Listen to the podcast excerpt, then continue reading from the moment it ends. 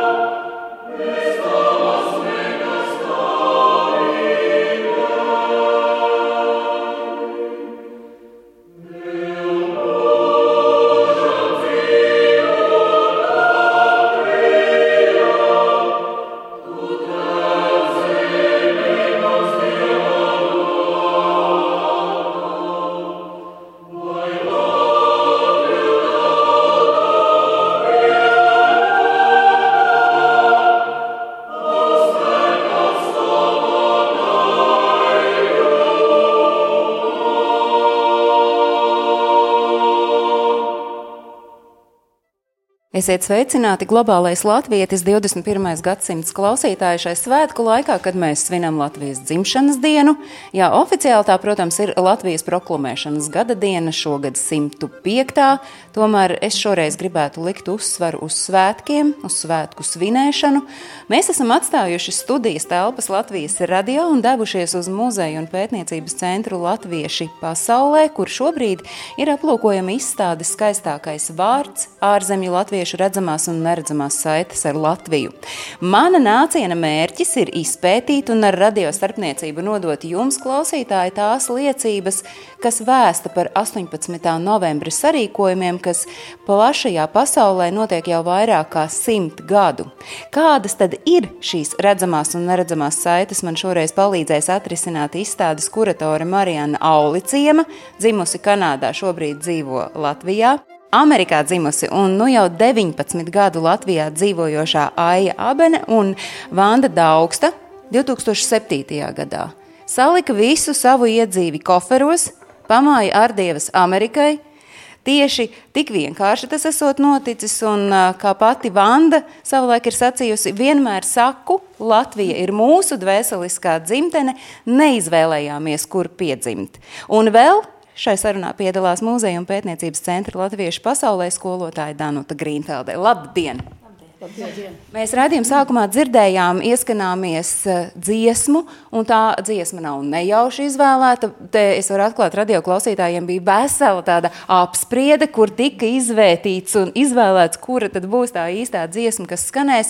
Kāpēc tieši šī dziesma skanēja raidījuma sākumā, un kāda tā ir saistība ar 18. novembri ārpus Latvijas? Nu, man liekas, ka tev mūžam dzīvot Latvijā. Virsraksts jau pats par sevi ir, ir norāda uz to, kāpēc tā dziesma ir svarīga.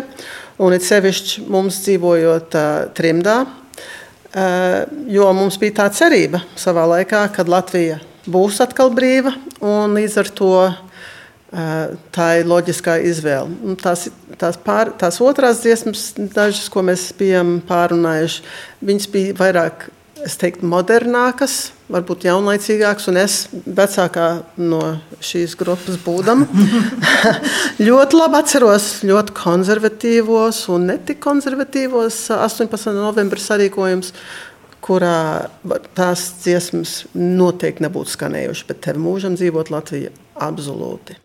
Te mums laikam jāpaskaidro, ka tev mūžam dzīvot Latvija bija jāizvēlas starp jūs manai tautai, Tad vēl bija tur ieskanējās kaut kur saule pērkons Daugau, bet tā ir vairāk kora dziesma, to paši neizpildīja. Zeme, zeme, kas ir Austra Graša, labi zināmā dziesma kopā ar Kristapu savulaik izpildīta jau Latvijas neatkarībai ieskanoties. Bet ja mēs šeit esam satikušās nedēļā starp 11. novembri un 18. novembri, un redzījuma atkārtojums skan 19. novembrī, kas ir uzreiz pēc Latvijas dzimšanas dienas.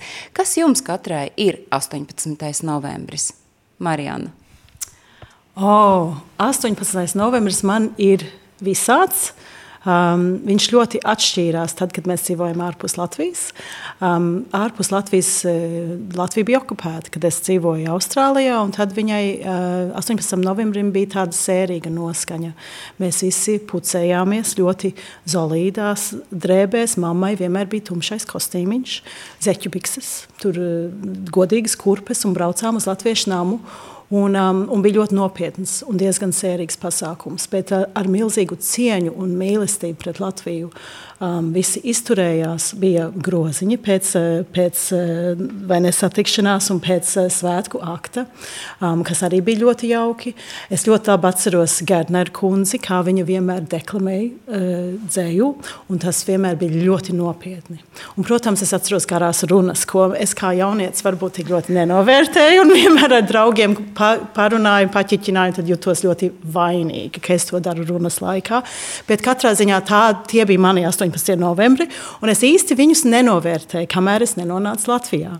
Jo Latvijā man tā, man tā svētku sajūta uh, radās no 11. Uh, novembra Latvijas dienas, kad mēs ar bērniem taisījām plostus un laidām daugavām tās mazās gaismiņas un tā milzīgā melnā daugava. Un, un, un tās svecītas un, un tās gaismiņas tumsā rad, radīja tādu svētku sajūtu. Bet 18. novembrī es vienmēr eju, vēl ar joprojām, bet eh, šī, šos 20 gadus, kad es dzīvoju Latvijā, es eju un meklēju to svētku sajūtu, kas man bija Austrālijā, to milzīgo cieņu un svinīgumu, kas mums vienmēr bija. Šeit, protams, ir citādāk, ir forši, bet, bet es kaut kā visu laiku meklēju to. to Nu, to tādu ļoti svinīgu sajūtu, ko es nevaru šeit vēl atrast. Cik interesanti. Par tām runām runājot, eh, par ko runāja tajās eh, garajās svētku runās? Kaut kas varbūt ir aizķēries, palicis atmiņā vai ne? Es domāju, es domāju, ka tur varbūt bija vēsture, tur iespējams bija brīvības cīņas, bet tur arī bija citas, citi temati, ko varbūt Aija labāk atcerās. Nu jā, Aiju iesaist sarunā ar to, kas vispār ja jums ir 18. novembris, nu tad mēs droši vien arī plūdeni pāriesim pie tā, kas tad notika tajos 18. novembros, tajās svinībās, kurās jūs esat savulaik piedalījusies. Mm, noteikti bija ļoti svinīgi. Tas ir skaidrs. Pat no bērnu kājām, kad Latviešu skolā mums bija sestdienās mums bija jāuzģērb tautas tērps, bija jāuzstājās, bija pantiņi jāskaita. Varbūt bija kaut kāds uzvedums, tāds mazs teātrīts vai kaut kas, bet katrā gadījumā ļoti cēls un um, nopietns. es neteiktu, ka sērīgi. Mm. Atkarībā arī latviešu sabiedrība nebija viena kopiena un bija dažādas, uh, dažādi veidi, kā kā izpaust savu to nacionālismu. Dažas pilsētas bija daudz konservatīvākas kā citas. Kuras tās bija? Mm, nu, man varbūt pārmetīs ļoti, kad es to saku publiski. bet es teiktu, ka, jo es piedzimu Amerikā, bet es pārcēlos uz Toronto dzīvot, uz Kanādu. Un es jūtu, ka Ņujorkā, kur mēs svinējam 18. novembri, piemēram, 60. atceru, Latvijas dibināšanas atceru, Ņujorkā rīkoja milzīgu balli Roosevelt viesnīcā Ņujorkas pilsētā. Un ar polonēzu, kurā mēs, jo Ulrichs Grava bija Ņujorkas Latviešu organizācijas padomus priekšsēdis, un es biju jaunatnes pārstāvs tajā laikā. Tad mēs abi ar Ulu vadījām polonēzi. Ritīgi bāli štātēs, un bija vakariņas, un dejošana un dziedāšana. Tie bija svētki, bet ne tādi sērīgi svētki. Protams, bija runas.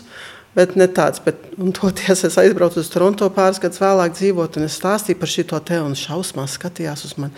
Nē, tā taču ir sēru dienas. Es teicu, kāda sēru diena? Mēs priecājamies par to, ka Latvija ir dibināta. Bet man liekas, ka tas arī bija vecums, jo tajā laikā mēs bijām jaunieši un mēs ļoti daudz gājām demonstrēt pret Padomju Savienību, pret okupāciju un tā. Un tas mums bija tāds mudinājums nevis sēdēt mājās un sērot un raudāt par to, bet cīnīties par to. Tad bija tāds cīnīšanās gars. Un līdz ar to tu nevari sērot un cīnīties vienlaikus, man liekas. Un, um, tā tad jā. Bet par tām runām es piekrītu Marijai. Viņas bija ļoti garas, ļoti garlaicīgas, ir sevišķi jaunāks bērns un pat pats metniekos. Nu, to, ko viņi tur runāja, tas galīgi uz mums neatiecās. Bet tagad ar laika nobīdi Jā, vēl joprojām, vēl joprojām liekas, ka tas bija garlaicīgi. Man, bet, bet kā sabiedrība pārvērtās, kad tā paudze, kas bija dzimusi un augusi daļai Latvijā, protams, ar laiku aizgāja. Un jaunā paudze nāca, kuri nekad nebija dzīvojusi Latvijā. Un kā tad uzturēt šo garu, lai saprastu, ka mums tomēr ir tā saite ar Latviju, un tāpēc mēs te esam. Jo mēs esam latvieši, un Latvija mums ir svarīga. Kā, tu, kā Marijana teica, tā ir mūsu dvēseliskā dzimtene, lai gan varbūt mēs paši nebijām dzimuši Latvijā.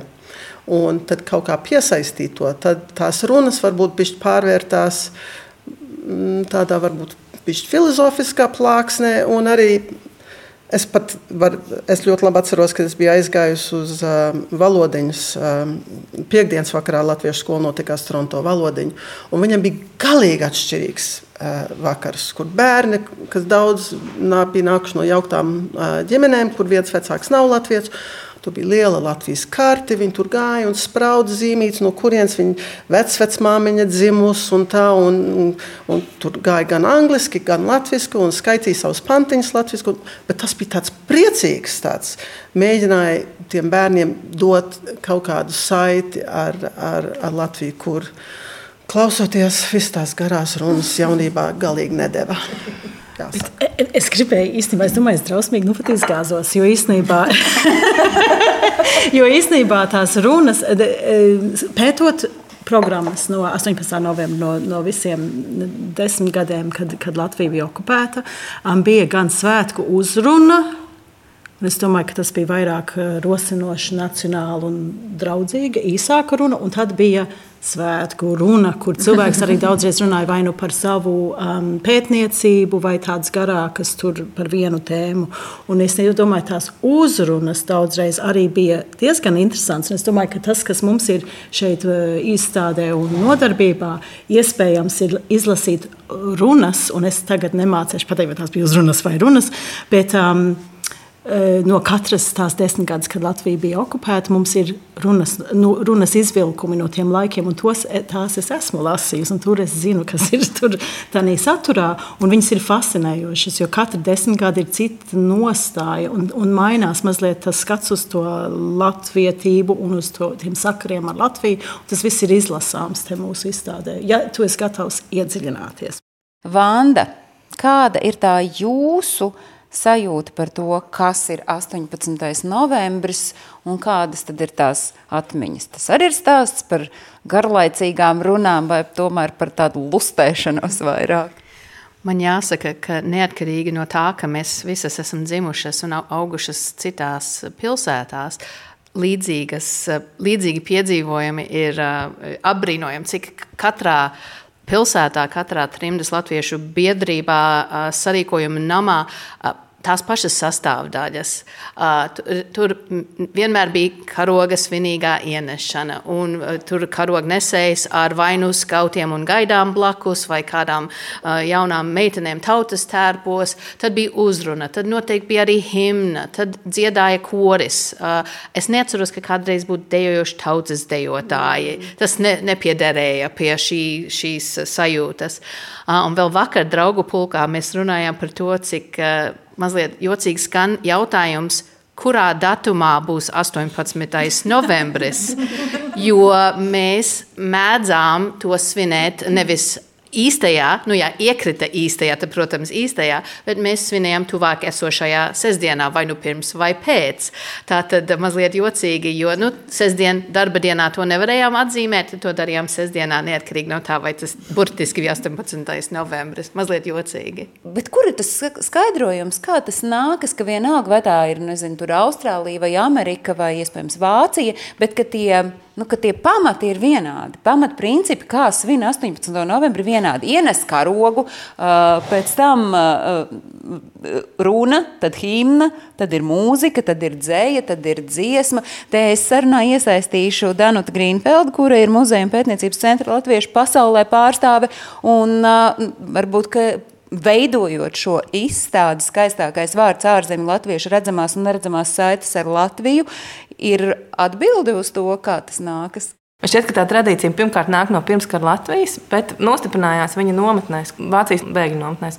Bija ļoti daudz latviešu vienopus, un arī tur jau, jau, jau pat pirms kara beigām jau notika šie 18. novembra svinēšana. Un, uh, pēc tam viņi izklīda katrs uz dažādām vietām un uh, aizved to tradīciju līdzi. Es domāju, ka tas ir izskaidrojums, kāpēc tā ir līdzīga. Tas līdzīgi arī ar to mūžam, to mūžam dzīvot Latvijā. Tā ir 38. gadā pirmatskaņota dziesma. Tie ir gandrīz pēdējie dziesmu svētki pirms okupācijas. Dziesmu svētkos piedalās daudz cilvēku, šo dziesmu visi zināja. Un, uh, tas ir viens iemesls, kāpēc viņi izdzīvo. Tad aiziet sākumā uz šo lielo koncentrāciju, ko mēs saucam par mazo Latviju bēgļu nometnēs, un pēc tam izplatās pa visu pasauli. Tas ir mans skaidrojums. Mums nav tādas iespējas to pārbaudīt, bet man tā šķiet. Bet es gribēju pieminēt par to pašu dat datumu. Jā, tas joks, jā, kurā datumā mēs svinēsim 18. novembrī. Uh, kad es pārcēlos uz Toronto dzīvot, es strādāju Latviešu centrā Toronto. Un tas bija nesen nopirkts centrs, liels, stipri lielāks par Latviešu namu. Un uh, valde tajā laikā nolēma Strunds rīkojam 18. novembrī. 18. novembrī. Cilvēki ņēma brīvdienu no darba, atbrauc no rīta, uzcēla karogu, pacēla, bija brokastis, un tad bija visādas runas, uzstāšanās, pusdienas, un tad atkal pēcpusdienā referāti, un tad vakarā bija saviesīgais vakars, varētu teikt, tāds vieglāks vakars. Un to mēs vairākus gadus. Es godīgi, ja godīgi, es nezinu, vai to vēl joprojām dara Toronto, bet katru gadu tieši 18. novembrī. Nu, bet kas tas bija, kas lika cilvēkiem tieši šo dienu nepalaist garām? Es domāju, tai dziesmā tev mūžam dzīvot Latvijā, tur ir arī tas pateikts. Mēs fiziski neatradāmies Latvijā, un Latvija bija mūsos, mūsu vecāku un vecvecāku stāstos un atmiņās. Un tā bija tā reize, kad to atzīmēt. Mēs esam bijuši, mēs esam bijuši valsts, mēs joprojām esam tauta. Un šobrīd, respektīvi, tobrīd Latvija ir okupēta, bet viņa ir vēl dzīva mūsos, tikmēr mēs turpināsim viņu skandēt, tikmēr mēs turpināsim viņu svinēt un, un, un atzīmēt. Nu, Neparvēlti arī izstādes plakātā es varu lasīt Latviju, lai kurā zemes daļā tu nonāktu, piemini Latviju. Nekad un nekur savā mūžā tu nedzirdēsi skaistāka vārda par šo. Turi Latviju dziļi ieslēgtu savā sirdī, turi to kā lielāko dārgumu, ko nedrīkst pazaudēt, jo zaudējis Latviju, tu zudīsi pats. Un tie ir Jāņa Jaunsudrabiņa rakstītie vārdi pašam esot trimdā 1940. 48. gadā. Un, kāds teiks, lai nu būtu tie laiki ir pagājuši, kāpēc jums muzejam ir svarīgi šobrīd, 2023. gadā, izstādi veidot un par šiem notikumiem un par šo svinību tradīciju runāt arī šobrīd? Tās jaunsudrabiņa esēja, viņa, viņa ir vēl šodien ļoti aktuāla. Tas nav tā kā nu, 48. gadā mums stāsta Maija Hinkla, mūsu valdes priekšsēdē. Viņai uzdāvināja to grām, nu, mazo grāmatiņu, ka viņa izbrauc no no, no bēgļu nometnēm, to daudz dāvināja cilvēkiem izbraucot.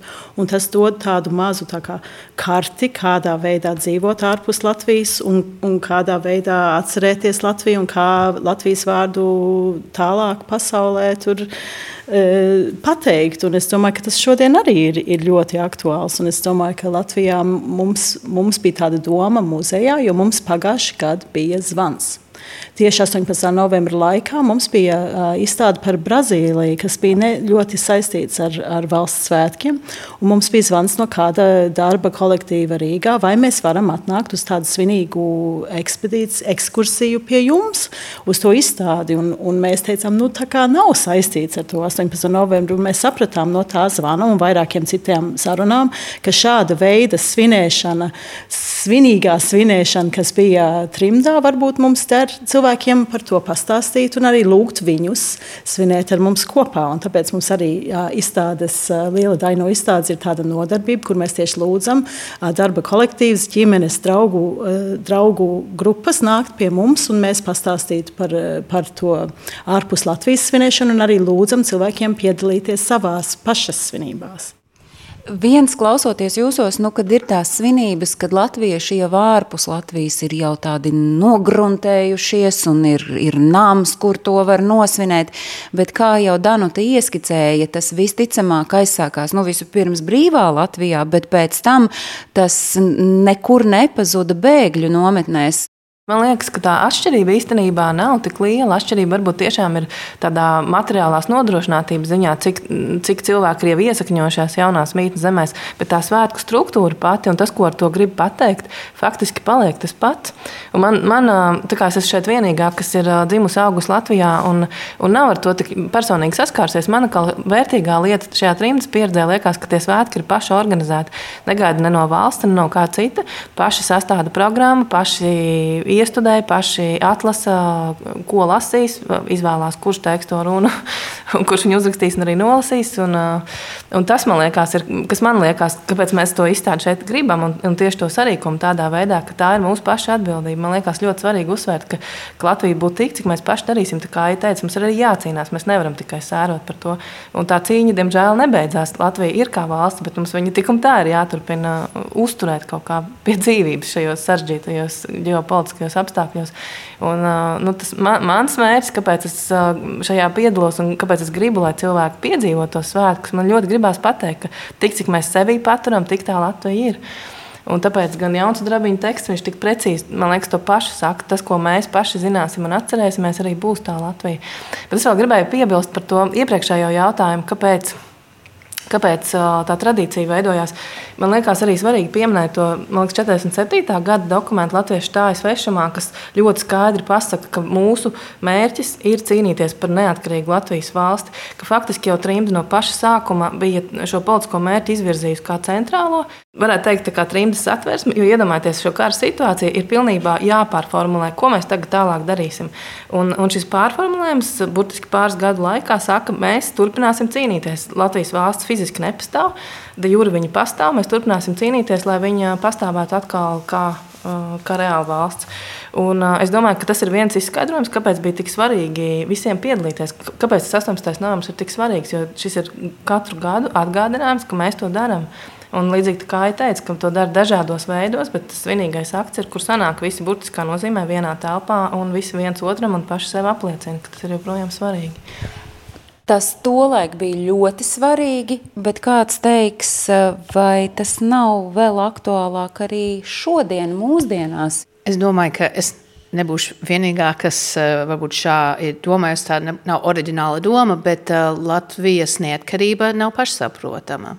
To mēs redzam katru dienu, to mēs redzam joprojām ar Krievijas karu Ukrainā, ka tas nav tik vienkārši un katrs mirklis ir tādā ziņā jānovērtē un, un jāatzīmē un jāsvin. Es šobrīd pastāvīgi dzīvoju ārpus Latvijas, Nīderlandē, un mēs esam gatavi uzņemt pie sevis jauniešu apvienību Nīderlandē ar studentiem no Latvijas, jo viņi grib kopā būt. Viņi bija pie mums tad, kad bija hokeja čempionāts, un arī, kad bija basketbola, protams, lielās uzvaras.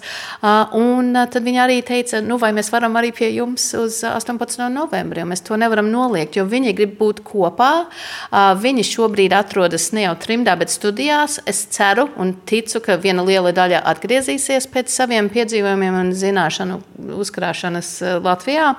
Un, un nevaram to zaudēt. Un visu laiku at, at, arī citēšu vai at, at, atgādināšu Jaunsudrabiņu tādā ziņā, jo zaudēs Latviju, zudīsi pats. Ir jāskatās ne tikai ar cieņu uz pagātni un pateicību tiem, kas izcīnīja Latvijas pirmo un arī otro neatkarību, bet uz priekšu, uz nākotni. Vakar mēs draugu pulkā runājām par to, ka vajag aizliegt 18. novembrī runās, runāt par pagātni. Uh, un, un runājam tikai, mēs jau zinām to visu. Jā, tas ir jā, jā, jāatzīmē, bet tai pašā laikā uh, mums ir jārunā uh, par to, kādas ir iespējas. Ir jāspēj saskatīt tās iespējas un, uh, un jāplāno un jāturpina attīstīties. Kāpēc Aija, jums šķiet, ka tas 18. novembris ir šobrīd vēl aktuālāks nekā tas iespējams bija Latvijas okupācijas laikā? Tas ir grūti pateikt, jo var izklausīties skarbi. Nu, man bērnībā mums mācīja, ka latviešiem ir tikai viena vieta uz zemes virsmas - Latvija. Un mēs neesam Latvijā. Tātad mēs pieminam Latviju, mēs runājam par Latviju, mūsu mērķis, un tas jau bija trimdas mērķis, ir atgriezties Latvijā kādu dienu. Nu, te nu mēs esam. Un cik no mums ir aiz, at, atgriezušies, un cik no latviešiem ir aizbraukuši prom tagad, nesen. Um, Tātad es domāju, ka tas ir sevišķi svarīgi uh, šodien arī atgādināt cilvēkiem, ka, ja tu gribi būt par Latviju, faktiski tikai viena vieta, kur būt. Es, varbūt arī Aijauts gan nepiekrīt. Es, es gribu izcelt to, ko Vanda teica. Man liekas, kāpēc ir jāsvin arī mūsdienās 18. novembris divi aspekti. Viens ir tā svinēšana mums aktualizēt vērtību, ka Latvijas valsts ir milzīga, ļoti nozīmīga vērtība. Un otrs, tieši svinēšana kā darbība saved mūs kopā. Un, nu, man, es pie, domāju, ka visi piekritīs, ka ir ļoti svarīgi, ka Latvija ir demokrātiska valsts un demokrātijas spēks ir saiknēs starp cilvēkiem. Un svētki ir viens veids, kā tās saiknes veidojās. Un tāpēc man liekas, ka tādā veidā mēs to demokrātiju stiprinām. Jo mēs varam sēdēt visi mājās pie saviem pārkrautajiem galdiem un tikai ēst pusdienas, bet tādā veidā mēs pazīstam nu, 3, 4, 5 cilvēkus. Bet, tā, kad mēs to darām kopā, tad mēs uh, sajūtam to spēku, kas mūsos ir. Es piekrītu, ja, protams, zeme ir būtiska šajā izstādē. Ekspon, viens no interesantākajiem, manuprāt, eksponātiem ir burtiski Latvijas zemīte, ko kāds bēgļu gaitās izveda no Latvijas un kā lielu vērtību, kā lielu tādu svētu ikonu objektu bērniem deva aptaustīt, ielikt pirkstus Latvijas zemītē, mazā kārbiņā. Uh, tas bija kaut kas šausmīgi interesanti. Protams, arī tā, tā viena no dziesmām, kas agrāk bija minēta, zeme, zeme, kas tā zeme, ja tev uh, savas brīves nav. Jā. Um, Tātad, jā, tā zeme fiziski ir svarīga un ir jābūt uh, latviešiem, kas ir Latvijā uh, un kas pārvalda Latviju. Uh, bet tai pašā laikā mēs zinām, uh, ir 21. gadsimts, uh, un mēs dzīvojām savā laikā, pandēmijas laikā, mēs dzīvojām tieši saistē un ēterā, un mēs ceļojam, un mēs esam mobīli, un mēs dzīvojam virtuāli, un mēs varam būt Latvijai piederīgi un noderīgi, neatkarīgi no tā, kur mēs atrodamies. Pieminot eh, izstādes eksponātus, varbūt mēs varam arī ielūkoties un paskatīties uz to, kas tajos ir. Tā tad zeme, nu tāda reāla fiziska zeme, tas ir eh, viens, ko var izstādē aplūkot, kas ir vēl tie objekti, par kuriem jūs sakāt, ka tie ir bijuši tie, kas ir ļāvuši saglabāt to Latviju, nezaudēt Latviju. Nu, rezultātā nepazust pašam. Jā, mums tā izstāde īstenībā ir uh, sadalīta divās daļās. Viena daļa ir tā svinēšana un tā 18. novembra daļa, bet uh, otrā daļa ir tās personīgās lietas, kas ir piederējuši individuāliem cilvēkiem, kuri, kuri ir palīdzējuši uzturēt, jeb, jeb kuri demonstrē to viņu personīgo saiti ar Latviju. Un tur ir redzamas, viņas, viņas ir vienkārši lietas, daudzreiz izvest no Latvijas spēļu gaitās, dažas arī nē, bet tās, kuras demonstrē to cilvēku, jeb kaut kā palīdz parādīt viņa mīlestību, tas, ka viņi saglabā šo lietiņu, kas ir ļoti īpaša un kas viņiem nozīmē Latviju. Šis ir īstenībā tā sakne, tā 18. novembris svinēšanai, vismaz tā kā es to iedomājos. Jo šīs lietas, ko cilvēki ir glabājuši, kas parāda, ka viņi, nu, viņu mīlestība pret Latviju ir tas, ko viņi ir devuši tālāk saviem bērniem, mazbērniem un stāstījuši par Latviju. Un tad mēs, kā tie bērni, kuri stāstīja, kuriem parādīja tās mantiņas, kuriem stāstīja tos stāstus, tad nesam to tālāk, kaut arī mēs nebijām nekad bijuši Latvijā. Un daudzreiz šī priekšmeti bija ilustrācija un fiziski ilustrācija tām jūtām. Tātad Nu, pirmā redzam- lodziņā mēs redzam divus draudziņus, lācīšus, kas ir piederējuši Hāzner brāļiem. Viņi šitos izved no Latvijas kā bērniņi, kad viņi bija maziņi kopā ar savu mammu. Un mammas tur apakšā zem lācīšiem ir redzams mammas Elzas Hāzners lakatiņš. Viņa bija šīs lietas sapakojusi. Eh, Kad viņa bija vecumā, dzīvoja Amerikā, sapakojusi uzmanīgi plasmasas plēvē un ielikusi um, bēniņos ar mazu roku, ar roku rakstītu zīmīti, kas teica, šis ir lakatiņš, ar ko es izbraucu no Latvijas šī gadā, un šī ir mana dēla lācīši. vai ne? Un tad viņa Maira Bunģa, kura bija to puišu māsīca, atrada diezgan nesen, pirms dažiem gadiem, šo paciņu mīļi glabātu bēniņos, un tad mums uzdāvināja visu to paciņu. Tad, Tālāk mēs redzam tāds pavisam mazs Latvijas karodziņš. Divi karodziņi, vi- viņi ir tādi mazi, mazi formāti. Viens ir tapis Austrālijā, un tas ir tāds karodziņš, ko liek uz galda. Tur uz uh, rakstām galda. Tas ir piederējis Robertam Vītoliņam, un viņš to pirka 50. gados Austrālijā. Bet tad otrs karodziņš ir bijis iešūts vienas dāmas mētelī, izbraucot no Latvijas bēgļu gaitās. Elza Skuja ies, iešuva šo karogu savā mēteļu oderē, un viņas meita to atrada. eh, Daudz, daudz vēlāk, kad tā mamma bija izbraukusi ar to karodziņu. Nu, te jau pieminēja tā uh, Latvijas zeme un uh, sniedz ruņģi. Te ir piebildusi, ka 18. novembrī ir varējuši pieskarties Latvijas zemē, un tad paši savus tos pirkstus, kā Vanda pirmī teica, arī likuši tur iekšā. Jā, tas bija īstenībā diezgan eh, izplatīta lieta, ka paņēma vai nu smiltis vai zemi no Latvijas, ja bija arī brauca radnieks uz Latviju eh, vēlāk, tad lūdza, lai viņi atnes tās smiltis, un daudzreiz tās smiltis vai zeme arī tika ielikta kapā kopā, kad cilvēks ap- apglabāja ārpus Latvijas. Tātad tā Latvijas zeme te vieta līdz arī aizsaulē. Tajos priekšmetos ir gan ģimenes ikona, gan uh, armijas uzpleči, kabata ar monētām un maizīti, un arī mājas atslēgas. Pat uh, kaut kas tik ļoti simbolisks tiek nests līdzi un glabāts, un tagad ir nonācis muzeja rīcībā. Jā, um, atslēgas ir vispār. Mēs runājam, ka mēs gribētu taisīt izstādi par mājas atslēgām, kas ir izvestas bēgļu gaitās, jo tā ir tāds ļoti spēcīgs simbols no vietas, kur tu un Iedomājieties, tad tev jāsapakojās dažu stundu laikā, un tu brauc prom no mājām, tu paņem to svarīgāko, un tu aizslēdz māju. Tu domā, ka tūlīt būsim atpakaļ, ja tu ceri, ka būsi vai nē. Un kaut arī šī, šīs atslēgas, um, tai ģimenei tā māja vairs nepastāv, tās atslēgas tomēr tika glabātas visu to laiku. Vēl viens objekts ir ļoti simbolisks. Es pat vispār varu drusku pabrīnīties, ka tas ir nonācis līdz jums. Par vainagu.